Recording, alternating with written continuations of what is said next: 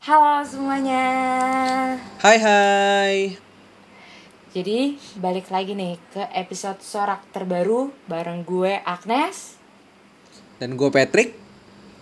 Dan kali ini Pat kita nggak cuma berdua, kita ditemenin sama SJW SJW DTK. Widih, siapa tuh SJW SJW DTK ini? Ini udah tenar banget sih namanya SJW SJW DTK. Karena ini SJW kedua SJW ini namanya udah sampai melambung tinggi sampai tingkat universitas, Pat. udah kemarin ikut demo sih. Kemarin ikut demo itu Oh. udah bisa dikatakan sebagai aktivis gak sih kalau kayak gitu?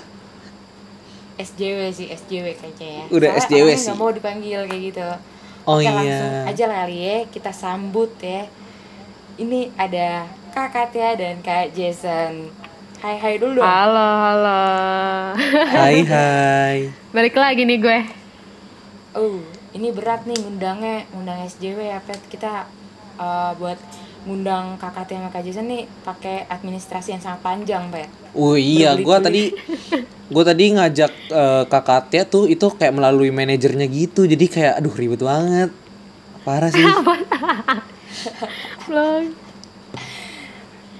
Iya, jadi Proposal gitu ya tadi. Kayak- iya kayak bikin proposal gitu kayak ta- kayak bahkan di minggu ini yang kosong tuh cuma hari ini doang dan di saat ini Betul. gitu. Aduh, Susah banget nyari jadwalnya ya. parah banget emang. Tenar, tenar. Ya deh, Makanya kita mau bahas apa sih nih emang? Nih, jadi karena kita ngundang kedua SJW ini pasti kita ngebahas suatu hal yang cukup penting dan menarik ya enggak? Nah iya, yang pasti butuh inputan-inputan dari SJW SJW yang sangat vokal ini ya, yang sangat Setuju. eh, opininya yang sangat gimana nih bilangnya, yang sangat kontroversial bisa dibilang. Wis. Gitu. Waduh, berat, Gitu. berat, berat. Apa langsung Tapi ini kasih tahu aja Nes, topik gimana nih, Nes? gue jadi ini Pat karena tadi gue bilang sempat bilang gue tuh kita ngundang kak Katia sama Kak Jason tuh pakai administrasi yang berle- berbelit-belit nih jadi gue jadi keinget suatu suatu yang kemarin rame tagar-tagar di Twitter gue kan anaknya Twitter banget ya lo juga gak sih Pat kan Parah sih, gua anak Twitter ya. banget sih. iya tahu kan jadi kita bakal bahas suatu tagar yang sangat fenomenal kemarin yaitu percuma lapor polisi ada apa ini Hmm. dengan polisi Iya, per- Hmm. Parah Parah, sih. parah. jelas emang keren sih. Hostnya kan ahli host, ini. Hostnya kan udah ini, udah profesional, udah diajak-ajak ke mana-mana.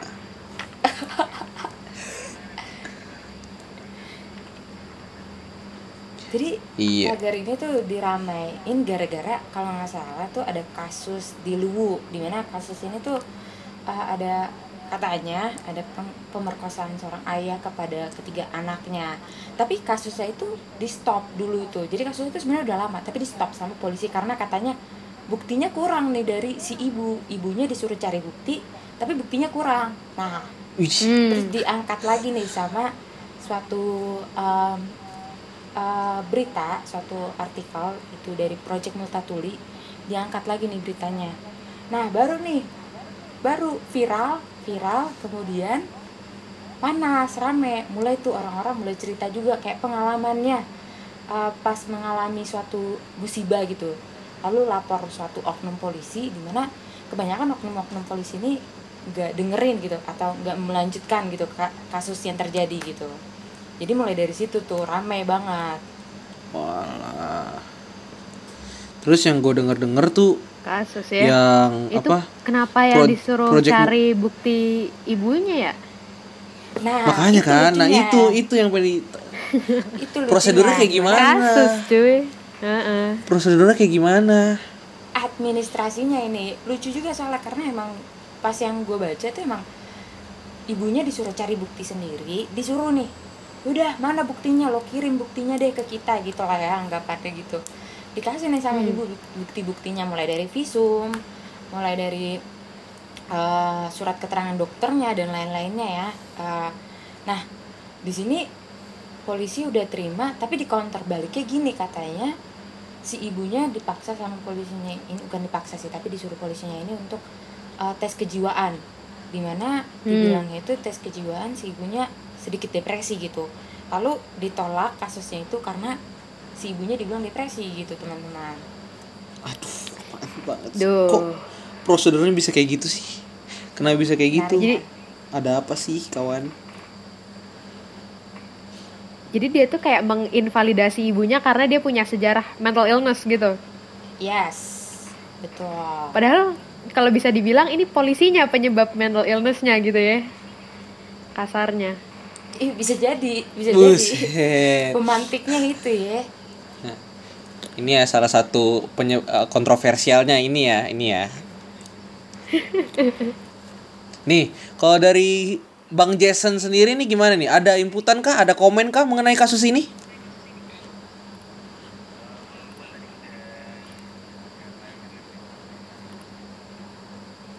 Oh, gitu ya langsung diwakilkan gitu ya bahwa kalau kepol kepolisian ini tuh penyebab mental illnessnya gitu. Aduh. Ya salah satu lah ya, salah satu faktor lah ya. Siapa ya siapa yang tahu gitu. Karena kan kalau misalnya uh, tertekan lah kalau misalnya gue jadi ibunya itu. Mm-mm. Hmm. Iya, kayak Apalagi mengingat kondisi anaknya ya. Mm-mm. Nah, kalau kita pakai kayak apa perspektif orang ketiga aja kayak dari luar gitu apa sih yang bisa dilakukan ibu-ibu hasil apa korban kekerasan kayak dia kayak gimana kayak dia nggak tahu cara nyari bukti dia nggak bisa gimana yang di mana itu harusnya adalah tugas polisi tapi malah dikasih ke ibunya aduh gimana sih ya itulah Ah, salah satu eh, kebobrokan ya bisa dibilang kebobrokan dari eh, penanganan kasus ini gitu benar. Nih, kalau misalnya kita lihat juga nih dari komen-komennya kan banyak ya yang bilang kayak beberapa kasusnya tuh nggak dilanjutin. Nah, gue mungkin bisa nelisik nih dari kayak sejarah kenapa sih eh, bisa terbentuknya polisi. Jadi tuh kalau misalnya mungkin ini mungkin ini kurang nyambung tapi ya mungkin alasannya ya. Tapi kalau menurut gue pribadi kalau gue baca ya dari sejarah polisinya, polisi tuh awal itu ada di Indo itu dibuat sama Belanda. Nah, di mana Belanda Oh. itu buat polisi di Indo tuh buat jaga aset-aset kekayaan orang-orang Eropa. Jadi tuh dari awal dibentuk polisi itu nggak eh, nggak apa ya nggak berfungsi untuk menjaga keamanan ketertiban masyarakat, nggak menjaga eh, apa nggak buat ngelanjutin kasus-kasus seperti itu awalnya ya. Nah baru Oh. lanjut lagi pas kita masuk ke Jepang ini baru kayak dipakai nih namanya yang kayak peta lah gitu-gitu kan yang kayak tentara Mm-mm. polisi gitu lah ya kan. Nah baru pas itu sempet eh, Jepang kalah ya kan Jepang kalah tapi polisi tetap ada di situ di mana dari sini tuh sebenarnya udah mulai nih ke apa ya jadi kayak pemantik polisi hadir gitu di Indonesia mungkin Hmm. tapi walaupun belum belum secara resmi gitu nah secara resminya itu kapan? Pas 19 Agustus 1945 baru dibentuklah kayak badan kepolisian negara. Mungkin karena kayak awalnya gue nggak tahu ya kalau polisi-polisi luar negeri kayak gimana tapi mungkin dari karena dari awalnya ya polisi itu dibentuk kayak buat ngejaga aset-aset gitu bukan buat ngejaga ketertiban dan keamanan masyarakat. Walaupun sekarang Wah. kita tahu polisi tugasnya itu buat ngejaga dan nge- nertibin masyarakat kan? Mm-mm. Jadi itu maksudnya polisi tuh tujuan utamanya tuh untuk melindungi si kaya. Oh, gitu.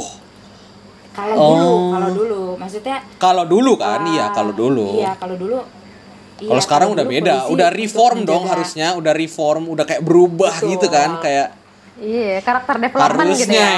eh, harusnya. Tapi tapi eh nggak ada tapi sih, nggak ada tapi sih. Bagus sih polisi Indonesia sih.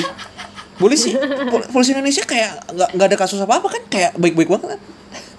Em, Waduh. bisa jadi bisa jadi iya Baik, bisa jadi iya baik, baik. Bisa Ya. jadi.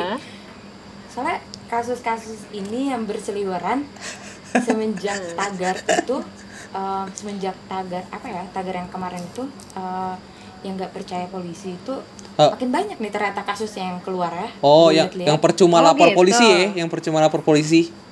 Malah resurface ya. Waduh. Jadi gimana nih Nes? Kita mau ada suatu recap kah mengenai kasus-kasus yang terjadi? Gimana? boleh boleh boleh Oke, boleh banget ya. Gue langsung mulai aja nih. Kalau dari yang gue kumpul-kumpulin nih, apa mengenai kasus tentang kepolisian ini, kita mulai dari yang pertama, yang paling menurut gue, aduh, agak gimana banget ya. Kayak sepele, tapi tapi kultur kulturnya emang kayak gitu. Jadi kayak, aduh, gue miris sih ngelihatnya jadi ini kasus pertama nih mengenai yang Kapolres Nunukan jadi AKBP Syaiful Anwar melakukan penganiayaan terhadap anggotanya yaitu Brigpol SL.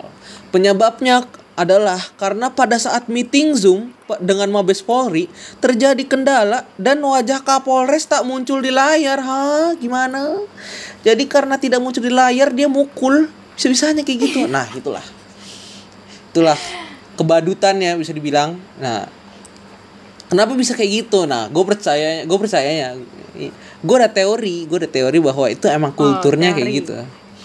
Kulturnya Kalau filternya harus ya gitu harus kayak bener gitu harus selalu benar di depan apa di depan si kepala atau si atasan terus tapi kalau terus nanti kalau salah udah pasti kayak lu dilakukan ya hukuman-hukuman kayak gini lah nah terus capital hasil punishment gitu ya. iya terus hasil akhirnya kayak gimana nah hasil akhirnya adalah si korbannya itu si Brigpol SL ini itu dimutasi ke kepolisian sektor Krayan yang berbatasan dengan wilayah Malaysia di mana lokasi itu terbilang terpencil karena hanya bisa didatangi dengan pesawat perintis. Nah, bisa-bisanya kayak gitu.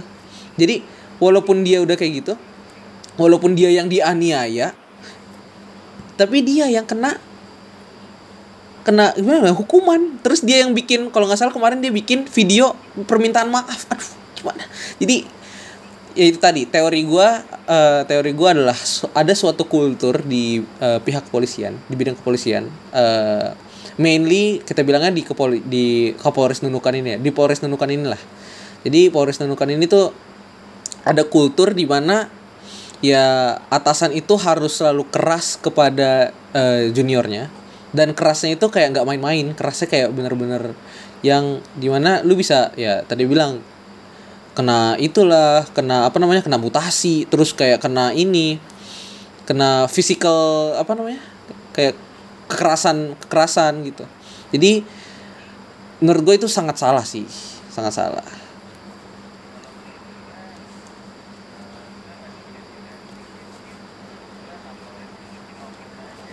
oh oknum oh oknum oh alah. Ini yang sering terdengar ya.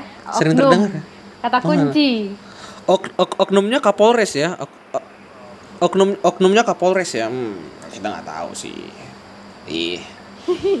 Kan kan Kapolresnya kan cuma satu orang kan. Jadi oknum bisa dibilang ya, bisa dibilang satu orang kan. Tapi ya kepalanya juga. Jadi kita nggak tahu. Oke. Dah, itu aja sih. iya, mungkin oknum. Mm-mm.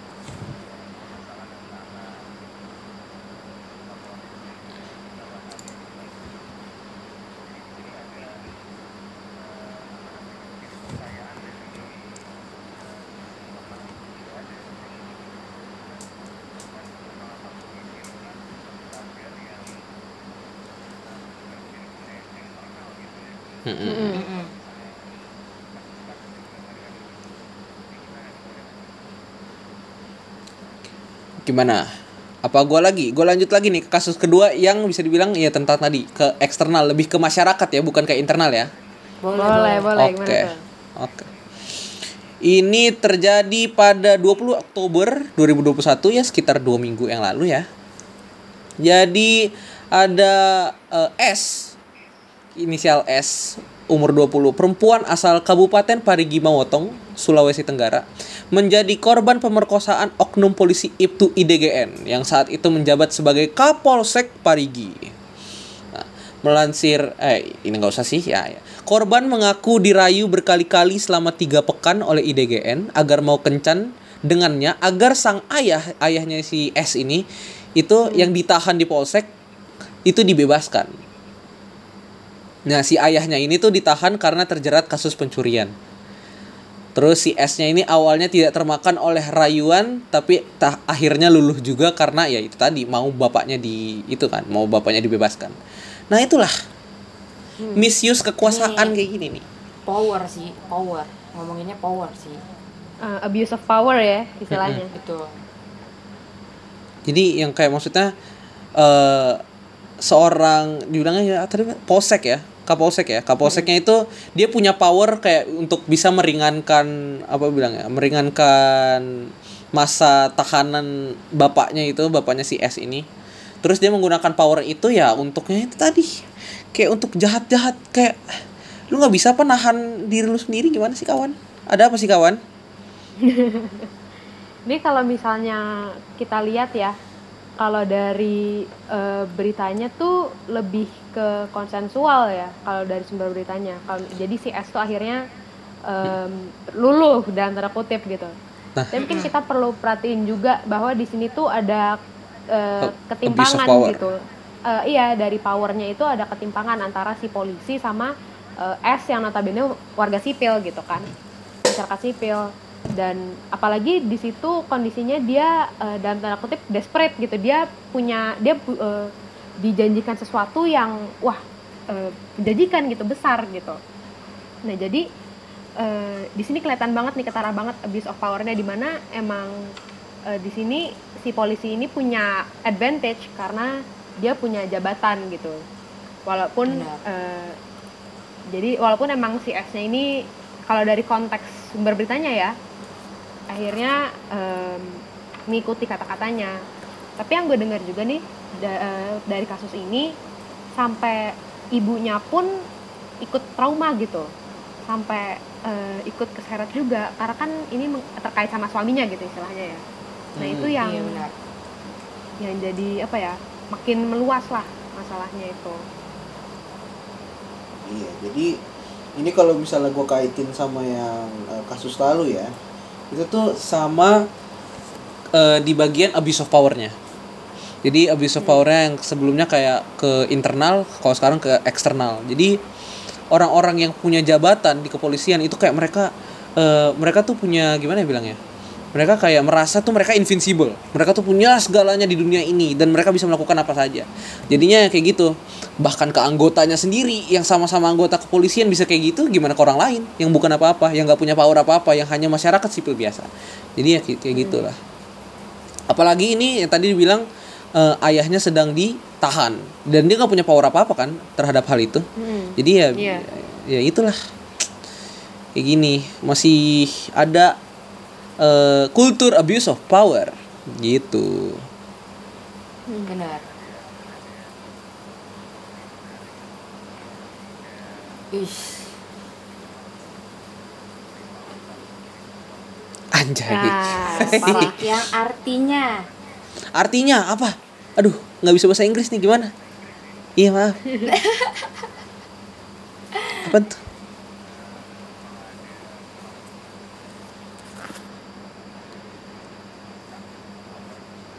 Mm-mm. hmm. anjay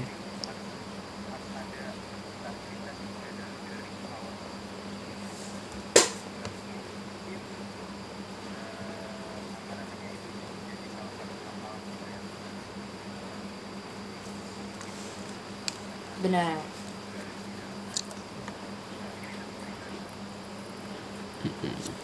kalau misalnya kita misalnya ya kayak kasus sehari-hari nih misalnya ya guys. Misalnya kasus sehari-hari gini. Misalnya kayak lo ngeliat polisi di lampu merah. Pikiran lo pertama apa guys? Pasti takut lah. Oke Apa- takut. Nervous lah ya minimal. Nervous. Walaupun lu bawa sim STNK nervous iya. kayak Walaupun SIM udah- STNK lengkap ada helm apa pun tapi pokoknya takut gitu. Nggak tahu kenapa. Iya kan? Benar. Nah, gue gue mikirnya gini guys, em, kayak setelah gue mungkin baca-baca juga, kan masyarakat Indo nih jatuhnya kayak apa? ya? Kayak orang yang gak suka apa ya, gak suka ketertiban gitu ya, gak mau ribet juga. Misalnya lu kebanyakan orang tuh kayak mendingan lawan arus daripada lu jalan dulu baru puter balik ya enggak sih?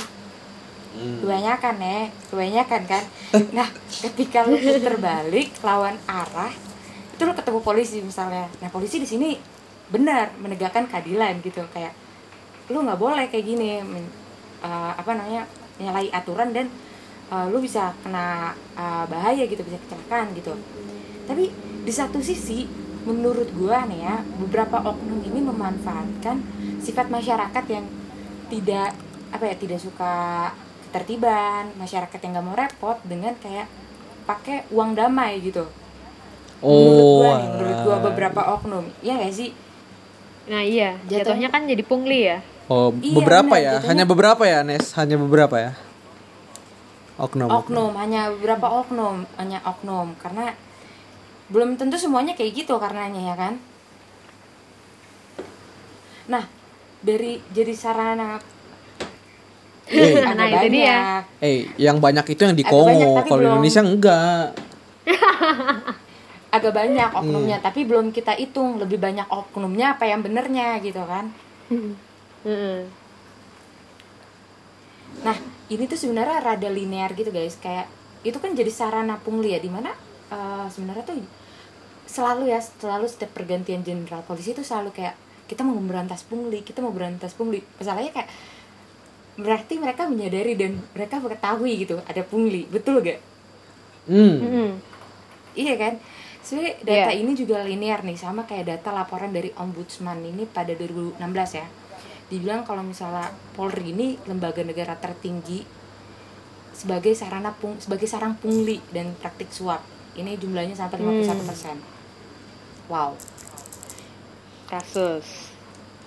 nah ini Cukup jadi miris apa, sih. jadi jadi kita jadi gue sebagai masyarakat gue sebagai pribadi sebagai masyarakat gue semakin nggak percaya sih gue sebagai pribadi sebagai masyarakat nah kalau misalnya lu semua gimana nih tanggapannya nih kayak gini Eh, Oke, gue mau nanggap. Tapi dari lu sendiri, Nes, lu sendiri pernah gitu gak? Jangan-jangan lu kayak pernah Gitu ketangkep gitu terus tiba terus kayak nyelipin uang ya kita nggak tahu sih. masalahnya gue tahu aja, Pak, namanya aja, Pak, gitu. bisa naik motor sama mobil pet jadi gue belum pernah Oh nggak bisa, oh nggak bisa. Oke. belum bisa jadi belum pernah tapi mungkin gak ada yang tahu kan gak ada yang tahu ke depannya Tapi kalau misalnya dari gua sendiri ya, nih kalau gua tanggapannya kalau dari gua jujur sendiri ada eh, gue pernah ditawarin, tapi gua lebih milih untuk diambil aja SIM-nya. Karena Oh. ya gak apa-apa, gue punya waktu, gue punya waktu juga gitu kan. Maksudnya kalau pengen Satria denger. Ya jadi ya ya ini walaupun gua kelihatan agak gimana ya, agak kayak, "Wih, keren banget Patrick." Enggak, enggak, enggak gitu. Gue beneran ini. Jadi ya kejadiannya seperti biasa, gua ketangkep di jalan karena tidak memakai helm ya kawan. Terus eh untung SIM-nya ada. Terus ditawarin gitu. Katanya kalau mau cepet sih, Dek, segini aja, bayar segini aja gitu katanya. Wah. Terus gue lama kaget dong cepet. kayak, widih, widih beneran ada dong kayak gini. Maksudnya kan gue gue sama ini kayak eh kayak gimana ya? Gue ngeliatnya kayak ah ini kayaknya cuma desas-desus doang. Ah ini gini kayak eh, kok- kayak misalnya ya ya jarang-jarang lah gitu. Tapi waktu udah kayak kejadian ke diri sendiri kayak gue kagum sendiri gitu kayak wah anjing kejadian ke gue gitu. Ya? Terus kayak bukan bukan kagum sih kayak lebih ke kaget gitu bukan ka- iya bukan kagum lebih ke kaget wah gila kejadian ke gua gitu nah ya udah terus kayak karena sepertinya ada jiwa jiwa satria baja hitam gue yang keluar gitu kayak gue nggak mau berpar- berpartisipasi sama kayak beginian. Jadi sebenarnya tujuan utamanya karena gue nggak punya duit sih. Nah itu. Jadi gue jadi gue gitu. Jadi kayak contoh, ba- contoh baik warga DTK. iya. Mendingan kal- nggak punya kalau duit misal- ya berarti. Iya, mending jadi mending lu nggak punya duit. Jadi lu mending jujur aja, lu kasih SIM lu atau kasih gitu loh. Kenapa tuh? Cuman kenapa?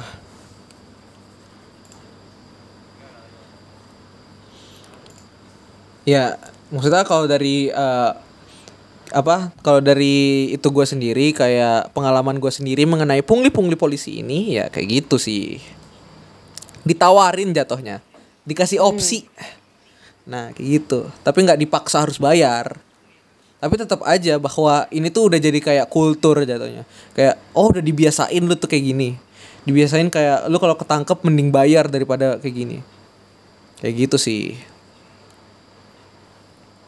Gimana ada Nah, tanggapan tanggapan yang lain? nih kakak kak Jas Kalau gue ya, eh gimana ya? Itu emang bener sih tadi. Kalau menurut gue itu emang suatu yang udah mendarah daging banget ya. Apalagi kayak masalah suap dan korupsi ya kalian tahu sendiri di Indonesia gitu. Nah, eh, tadi kita juga udah bahas internal. Nah itu juga berkaca dari situ emang ada masalah dari internalnya juga gitu. di mana mungkin kalian pernah dengar juga lah ya yang eh, kalau misalnya mau masuk eh, akademi ada jalur belakang dan segala macam. Hmm. Nah, yang ngasih sawah ya, yang gitu. ngasih sawah. Nah iya, yang begitu deh. Menurut gue yang eh, kecurangan-kecurangan dari situ allegedly. Allegedly. Heeh. yang dari situ tuh yang akhirnya eh, merebak dari dari eh, masa awal gitu kayak eh, benih-benihnya terus nanti giliran mereka jadi eh, polisi terus eh, mereka bertugas akhirnya dia eh, berinteraksi sama warga sipil gitu nah akhirnya em, kelihatan lah itu bud- budaya-budaya yang bisa dibilang unjust gitu dan gak adil kan Nah, eh, karena udah dari awal nih kayak masalah itu emang udah dari akar banget. Akhirnya ya ini tuh emang suatu masalah sistemik gitu ya. Hmm. Emang dari strukturnya sendiri yang dari tubuh Polri-nya itu yang dia punya penyakit lah istilahnya. Kayak istilahnya di dalam tubuh Polri itu emang ada tumor gitu. Nah, jadinya eh, makin kelihatan lah eh, gejala-gejalanya kayak represi, eh, represi aparat, terus kekerasan terhadap masyarakat sipil, eh, pungli ya kayak gitu-gitu. Kalau menurut gue itu kayak gejala dari penyakit yang ada di dalam tubuh Polri-nya itu. Hmm, tapi kalau dari opini gue pribadi ya, itu bukan bukan lebih ya bener sih jatuhnya lebih kelihatan. Tapi kalau misalnya aplikasiannya, maksudnya kayak ini kejadiannya itu udah dari ya dari dulu nggak sih dari dulu. Cuman Benar, baru benar. cuman dari sekarang tuh gara-gara ada tagar percuma lapor polisi ini, kayak jadi lebih orang-orang tuh jadi kayak Makin lebih kelihatan. makin kelihatan kan kayak oh alah jadi maksudnya kita selama ini yang kayak takut atau diam gitu dalam dihadapi dalam uh, unjust itu oleh polisi tapi kita makin kayak vokal gitu. Orang-orang sekarang ya bisa dibilang netizen tuh sekarang makin vokal dalam uh, memberikan kayak kelah kes, uh, apa ke- keluh kesahnya gitu. Keluh kesah. apalagi uh, mengenai polisian ini gitu. Jadi ya bagus sih menurut gua akhirnya kebuka boroknya gitu Mm-mm.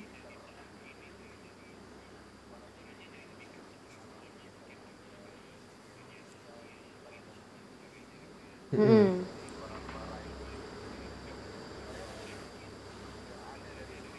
Pasti, ya. iya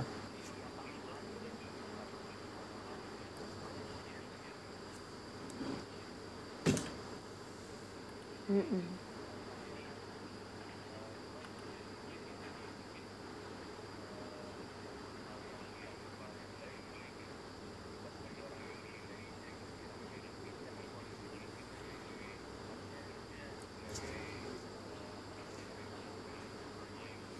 Hmm.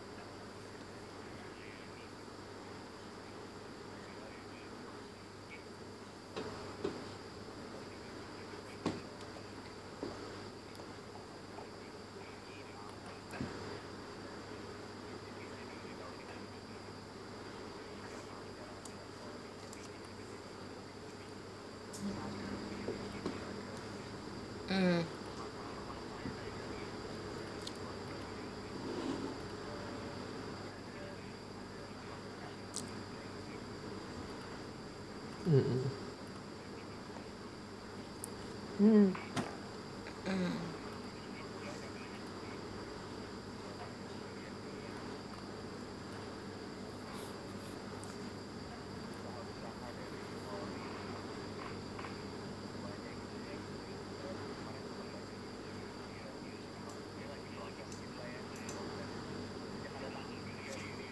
oh Viral ini gitu. Nunggu viral dulu, iya. iya nunggu viral dulu iya betul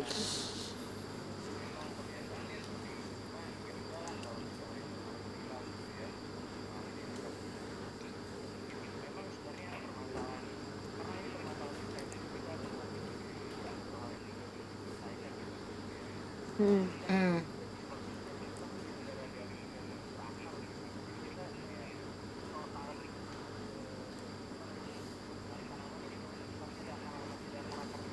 Mm-mm.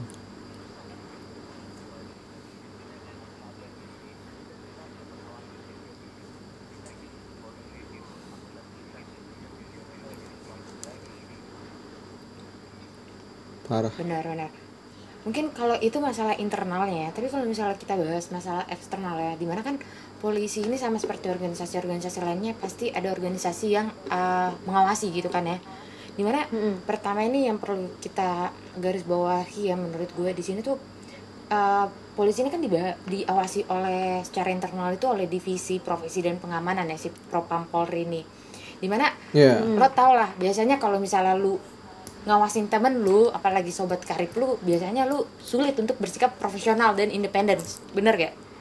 Hmm. Jujur, pasti agak jujur. sedikit sulit ya kan pasti lu kayak ada sedikit pelonggaran lah terhadap teman lu apalagi dia sobat karib lu gitu nah di di sinilah apa di mana Propam Polri ini menurut eh, beberapa eh, aktivis lah ya di sini tuh agak sulit bersikap Yes. independen ketika ngusut pelanggaran-pelanggaran berat apalagi yang ngandung isu sensitif. Jadi kerja pengawasannya ini belum cukup efektif gitu karena ya balik lagi lu lu ngawasin temen sobat karib lu gitu pasti agak sulit kan? Pasti banyak pelonggaran-pelonggaran nantinya yang lokasi terus yang kedua ada juga nih komisi kepolisian nasional kompolnas. Nah dia itu sebenarnya mungkin lebih terbatas gitu ya di bawah soalnya dia di bawah Kementerian Polhukam gitu. Jadi itu cuman kayak sebagai berperan sebagai penasehat kebijakan aja gitu. Jadi sebagai penasehat kebijakan jadi dia nggak bisa ngejalanin fungsi pengawasan eksternal kayak ya seharusnya. Di mana sebenarnya kedua organisasi ini si Propam sama Kompolnas ini harusnya bisa jadi apa ya organisasi yang efektif lah untuk mencegah hal-hal buruk di internal internal Polri jadi internal sama eksternal ini mulai dari internalnya akuntabil- akuntabilitasnya yang jelek Polri eksternal juga pengawasannya buruk dari apa ya kurang independen dan profesional nah ini jadi apa ya dua faktor yang nyebabin citra buruk Polri itu di mata masyarakat tuh makin buruk gitu sekarang makin sekarang ya Mm-mm. Mm-mm.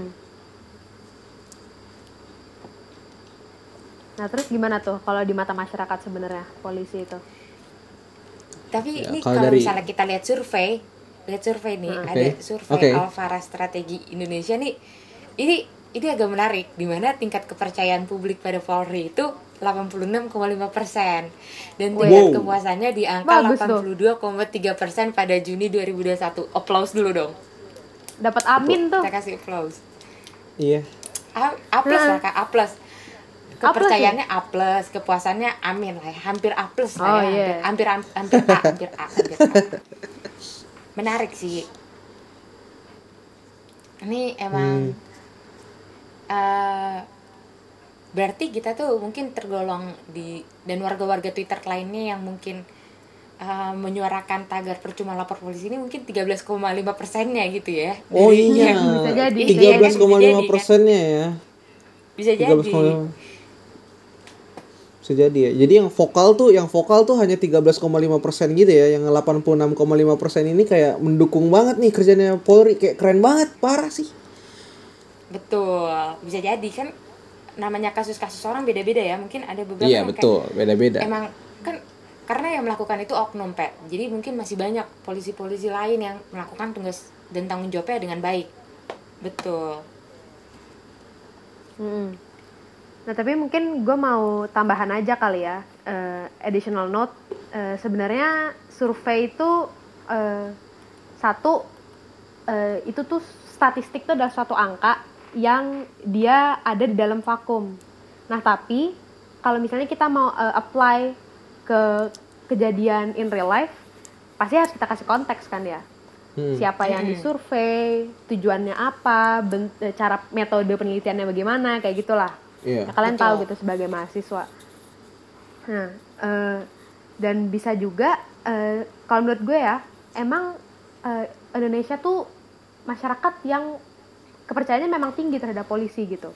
Karena Oh, eh, ya mau mau siapa lagi gitu. Emang ada jalan apa lagi kalau misalnya kita ada masalah nih, kita ada kasus misalnya kecurian gitu, pencurian. Mau ke mana lagi kalau bukan ke polisi kan? Nah, Mm. yang gue observasi sih memang baru akhir-akhir ini banget yang eh, viral kayak eh, Twitter do your magic. Nah, kayak gitu tuh emang baru mulai akhir-akhir ini. Nah, akhirnya eh, kepercayaan yang udah bertahun-tahun ber ya berdekade-dekade terhadap polisi tuh baru kelihatan busuk-busuknya tuh memang akhir-akhir ini gitu. Nah Hmm. makanya bisa menurut gue ya, menurut gue memang eh, kepercayaan tinggi itu memang masih ada gitu. Apalagi memang nggak semua orang terekspos dengan cerita-cerita kasus-kasus kayak gini. Dan ya dari tadi kita juga udah eh, omongin gitu kalau kata keyword oknum tuh jadi senjata eh, Iya. buat eh, orang-orang yang mengkritik sistem kepolisian di Indonesia gitu. Oknum, oh ini emang ya dia oknum aja gitu. Padahal ya kalau kita lihat balik lagi tadi eh, nggak sedikit dan dia menyebar. Kalau misalnya kita gali lagi memang ada abuse of power yang mendalam mendarah daging di sistem di tubuh Polri-nya itu sendiri. Yang jadi masalah Terus akhirnya eh, kelihatan gitu. Nah, jadi oknum-oknum ini nih salah satu gejala-gejalanya gitu. oknum ya oknum Gitu. Heeh. Makanya Hmm. oknum kata oknum tuh sering jadi senjata lah ya buat kritik gitu. Menurut betul gue gitu. Paham. Kita kan juga takut ya jadi oknum aja Benar juga, benar juga.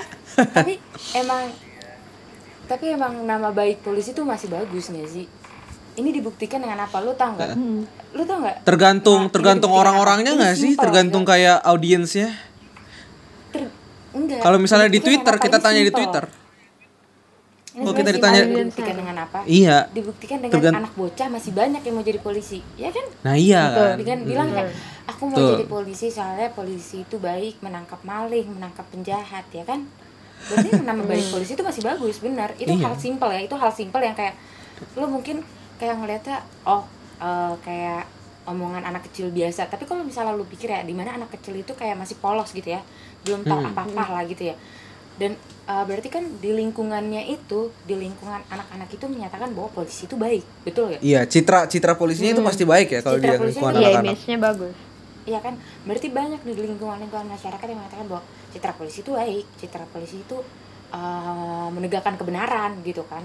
Nah itu, jadi mungkin hal simpel yang nggak bisa kita apa ya, mungkin yang sedikit kita lupakan gitu ya hal simpel yang ini. Tapi ternyata, oh bener juga ya gitu. Kadang gue juga pikir kayak, oh bener juga ya, gitu. Iya.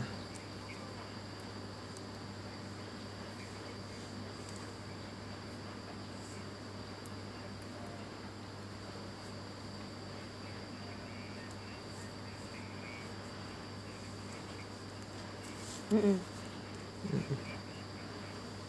Iya. Hmm.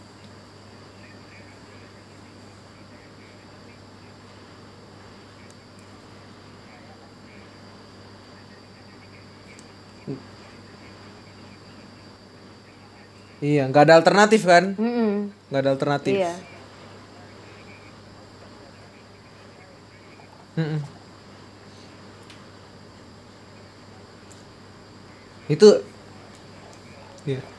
Itu bisa sih kayak jadi bahan omongan misalnya kayak kalau tiba-tiba ada suatu lembaga di Indonesia yang ngebuka kayak jasa private investigator. Nah, Weh, Uh, terus saingan. kayak iya kayak maksudnya kalau dalam eh, apa kayak untuk kasus-kasus kayak gitu tadi kayak kasus apa pemerkosaan terus kayak kasus kekerasan terus kita kayak nge-hire private in- investigator terus kalau misalnya tiba- tiba-tiba terbukti kayak jauh lebih baik kan bisa kayak ya gimana ya gitu Mm-mm. Mm-mm. Mm-mm.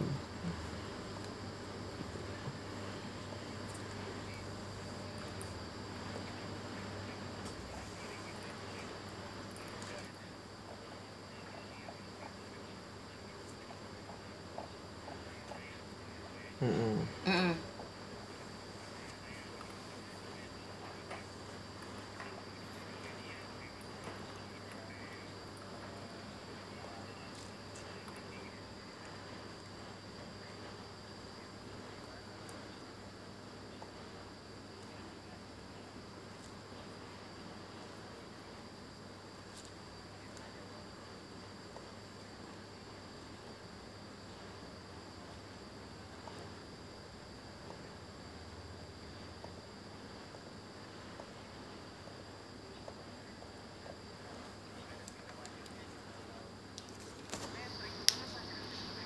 mm -mm. Mm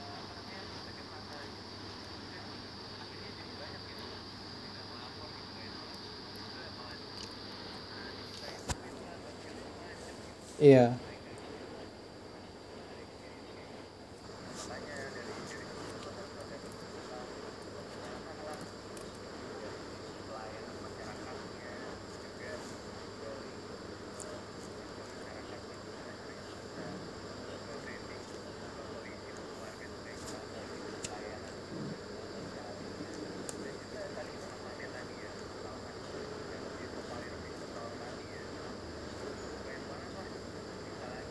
Mm-mm.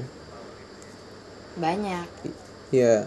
Jadi kayak gue mau cerita dikit yang abuse of power. Jadi walaupun eh gimana ya nggak kelihatan sebagai abuse of power, tapi eh gimana sih? Maksudnya kayak bahkan polisi tuh nggak sadar kalau itu tuh abuse of power. Dan itu kayak eh bahkan ada di media mereka sendiri kan. eh, maksudnya eh, kalian tahu kan kayak ada eh, YouTube-nya polisi gitu. Hmm, Jadi tahu, kayak tahu. Jadi YouTube polisian gitu terus kayak subscriber kalau nggak salah 2,7 juta. Yang si Ambarita itu yang terkenal itu kan? Anjay. iya. jadi itu dia itu tuh kayak di suatu salah satu videonya dia tuh kayak minta apa dia minta penggeledahan HP terus untuk cek-cek history chatnya itu.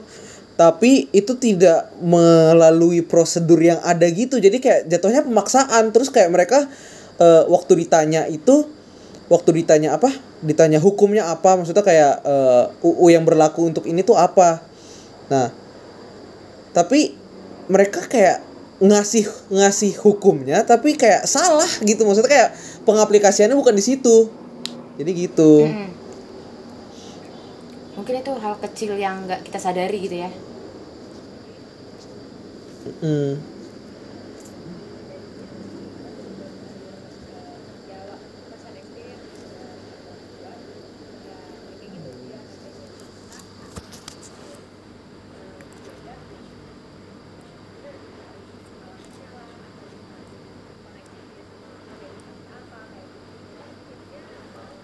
Wah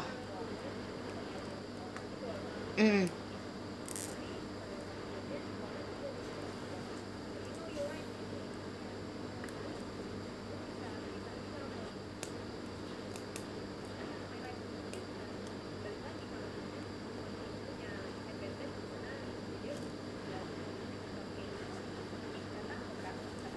betul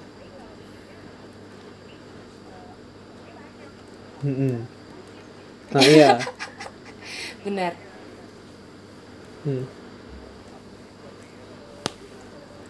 Nah iya, gue gue pengen komen dikit tuh mengenai know your rights gitu. Jadi eh, ke- kebanyakan kayak eh, di mana masyarakat sipil berusaha eh, melakukan kayak tadi kayak know your rights kayak lu tuh harus tahu hak hak lu dalam eh, dalam apa kayak kasus-kasus gini gitu kayak penggeledahan secara terpaksa apa segala macem. Nah tapi ya itu tadi sebagai karena ada abuse of power walaupun kayak minuscule walaupun itu kayak kecil tapi tetap aja itu abuse of power. Nah itu tuh mereka ngelihat ngelihat perlawanan know your rights itu tuh sebagai kayak apa ya? Lu tuh nggak comply terhadap kepolisian maksudnya kayak iya. Atau mereka nggak tahu pet. Mereka nggak tahu kalau misalnya polisi nggak boleh ngegeledah mereka tanpa surat. Bisa jadi pet. Nah itu. jadi kan kayak gitu. awam ya. Jatuhnya kayak ya kepolisian kayak ngeliatnya lu sebagai orang yang kayak ya apaan sih nih?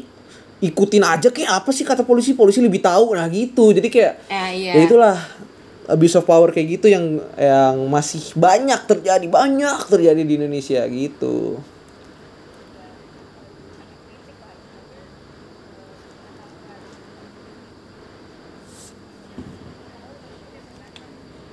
Hmm.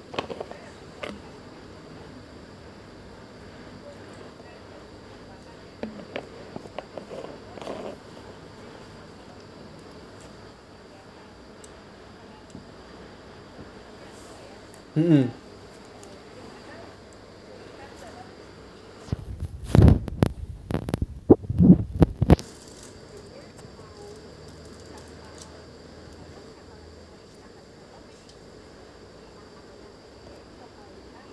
betul. Betul. Wow. Jadi ya gila eh, gimana kalau mau kalau mau dibilang know your rights kayak iya bener nanti lu kalau di pengadilan bener know your rights tapi digebukin dulu. Aduh belakangnya itu ya. Iya. Jadi kalau mau di lapangan di lapangan digebukin dulu, terus kayak malah kebanyakan kesalahan kayak gitu nggak dibawa ke mana-mana ke polisi sama sama kepolisian kayak ya itu kayak sebagai biasa aja gitu kayak dianggapnya.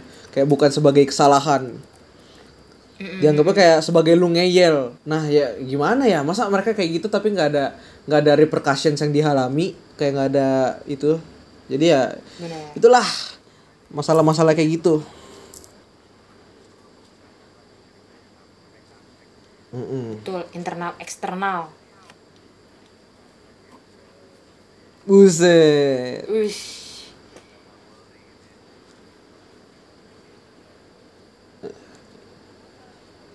Setuju. Itu kayaknya ribetnya cuman ya sedikit lah di bawah kakak Tia ya. Pakai nama Dikit langsung doang, masuk ya, langsung ke ini laporan teratas ya, laporan teratas. Ih.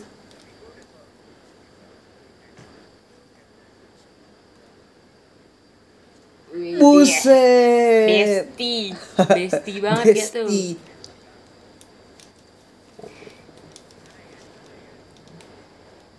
Widih. Amin, itu hanya oknum. Oke. Gila menarik banget ini pembicaraan kita nggak sih, Pet? Pembahasan kita. Parah sih. Wow. Parah mind sih. blowing banget. nggak bakal habis nih kalau dilanjutin bisa kali 2 jam 3 jam kalau mau ngomongin semua borok-boroknya dan semua apa segala macem ya di, bisa diomongin Semua baik-baiknya juga ada, Pet. oh iya semua juga baik-baiknya gua lupa astagfirullah Ada. semua baik-baiknya juga ada nih gue lupa Betul. ngomonginnya Jadi, tapi karena waktu kita, waktu Kak Katia dan Kak Jason SJW ini sangat terbatas ya, Pet ya. Iya, sangat kan? terbatas, Kita ya. juga kita juga mesen waktunya cuman sebentar gitu ya, nggak bisa lama-lama kan gitu. iya Jadi sorry banget nih kalian harus mendengar sampai sini saja. Sebelumnya kita disclaimer dulu bahwa ini semua obrolan kita ini hanya opini gue, opini Patrick, Kak Katia dan Kak Jason pribadi. iya Eh, tidak, tidak mewakili siapa pun ya. Iya, tidak menggiring apa ini apa pun yang tidak bermaksud menyinggung eh, instansi mana pun. Itu semua nyala oknum, betul? betul setuju 100% Betul. Iya, kalau misalnya ada yang merasa tersindir bisa iya. bisa langsung kontak Patrick aja ya, kontak Patrick aja. Dia yang bertanggung jawab untuk kasus-kasus seperti itu. Iya, Ka- kalau kalau pendengar kalau pendengarnya ada polisi ataupun kalau ada bapaknya polisi boleh kontak gua, oke? Iya, kalau Kita emaknya Polwan ngobrol-ngobrol. juga, emaknya Polwan juga. Iya. Jangan bapaknya polisi doang dong. Lah, enggak, enggak. Kayak kita kayak kita tuh ributnya maksudnya Diskusi, ya diskusi. itu aja diskusi aja, diskusi aja. Setuju. Ngopi-ngopi, Betul. kopi Joni, kalem. Ngopi-ngopi tapi jangan bawa pengacara, Pet. Oke? Wah. Oke. Oke deh guys. Sebelumnya thank you banget Kak Katia dan Kak Jason udah meluangkan waktunya ngobrol-ngobrol sama gue sama Patrick. Thank you banget. Widih. Thank you banget Ki- kita harus menyita waktunya yang sangat berharga ini SJW ini. Abis ini eh, langsung ada Zoom webinar lagi ya, webinar SJW ya, Iya. perkumpulan SJW ya, Zoom meeting. Perkumpulan Twitter gitu ya ini mereka. iya nih kayaknya. Ya udah kali ya Pet, tanpa berlama-lama lagi, tanpa kita harus menunda-nunda waktu Ya, lagi betul. nih. Semuanya thank you banyak. Eh thank you banyak. Makasih banyak buat teman-teman yang udah dengerin. Sampai jumpa ke episode sorak lain lain lainnya. Oke, stay tune Oke. guys. Thank you. Dadah. Thank you, thank you. Thank you semuanya. Thank you.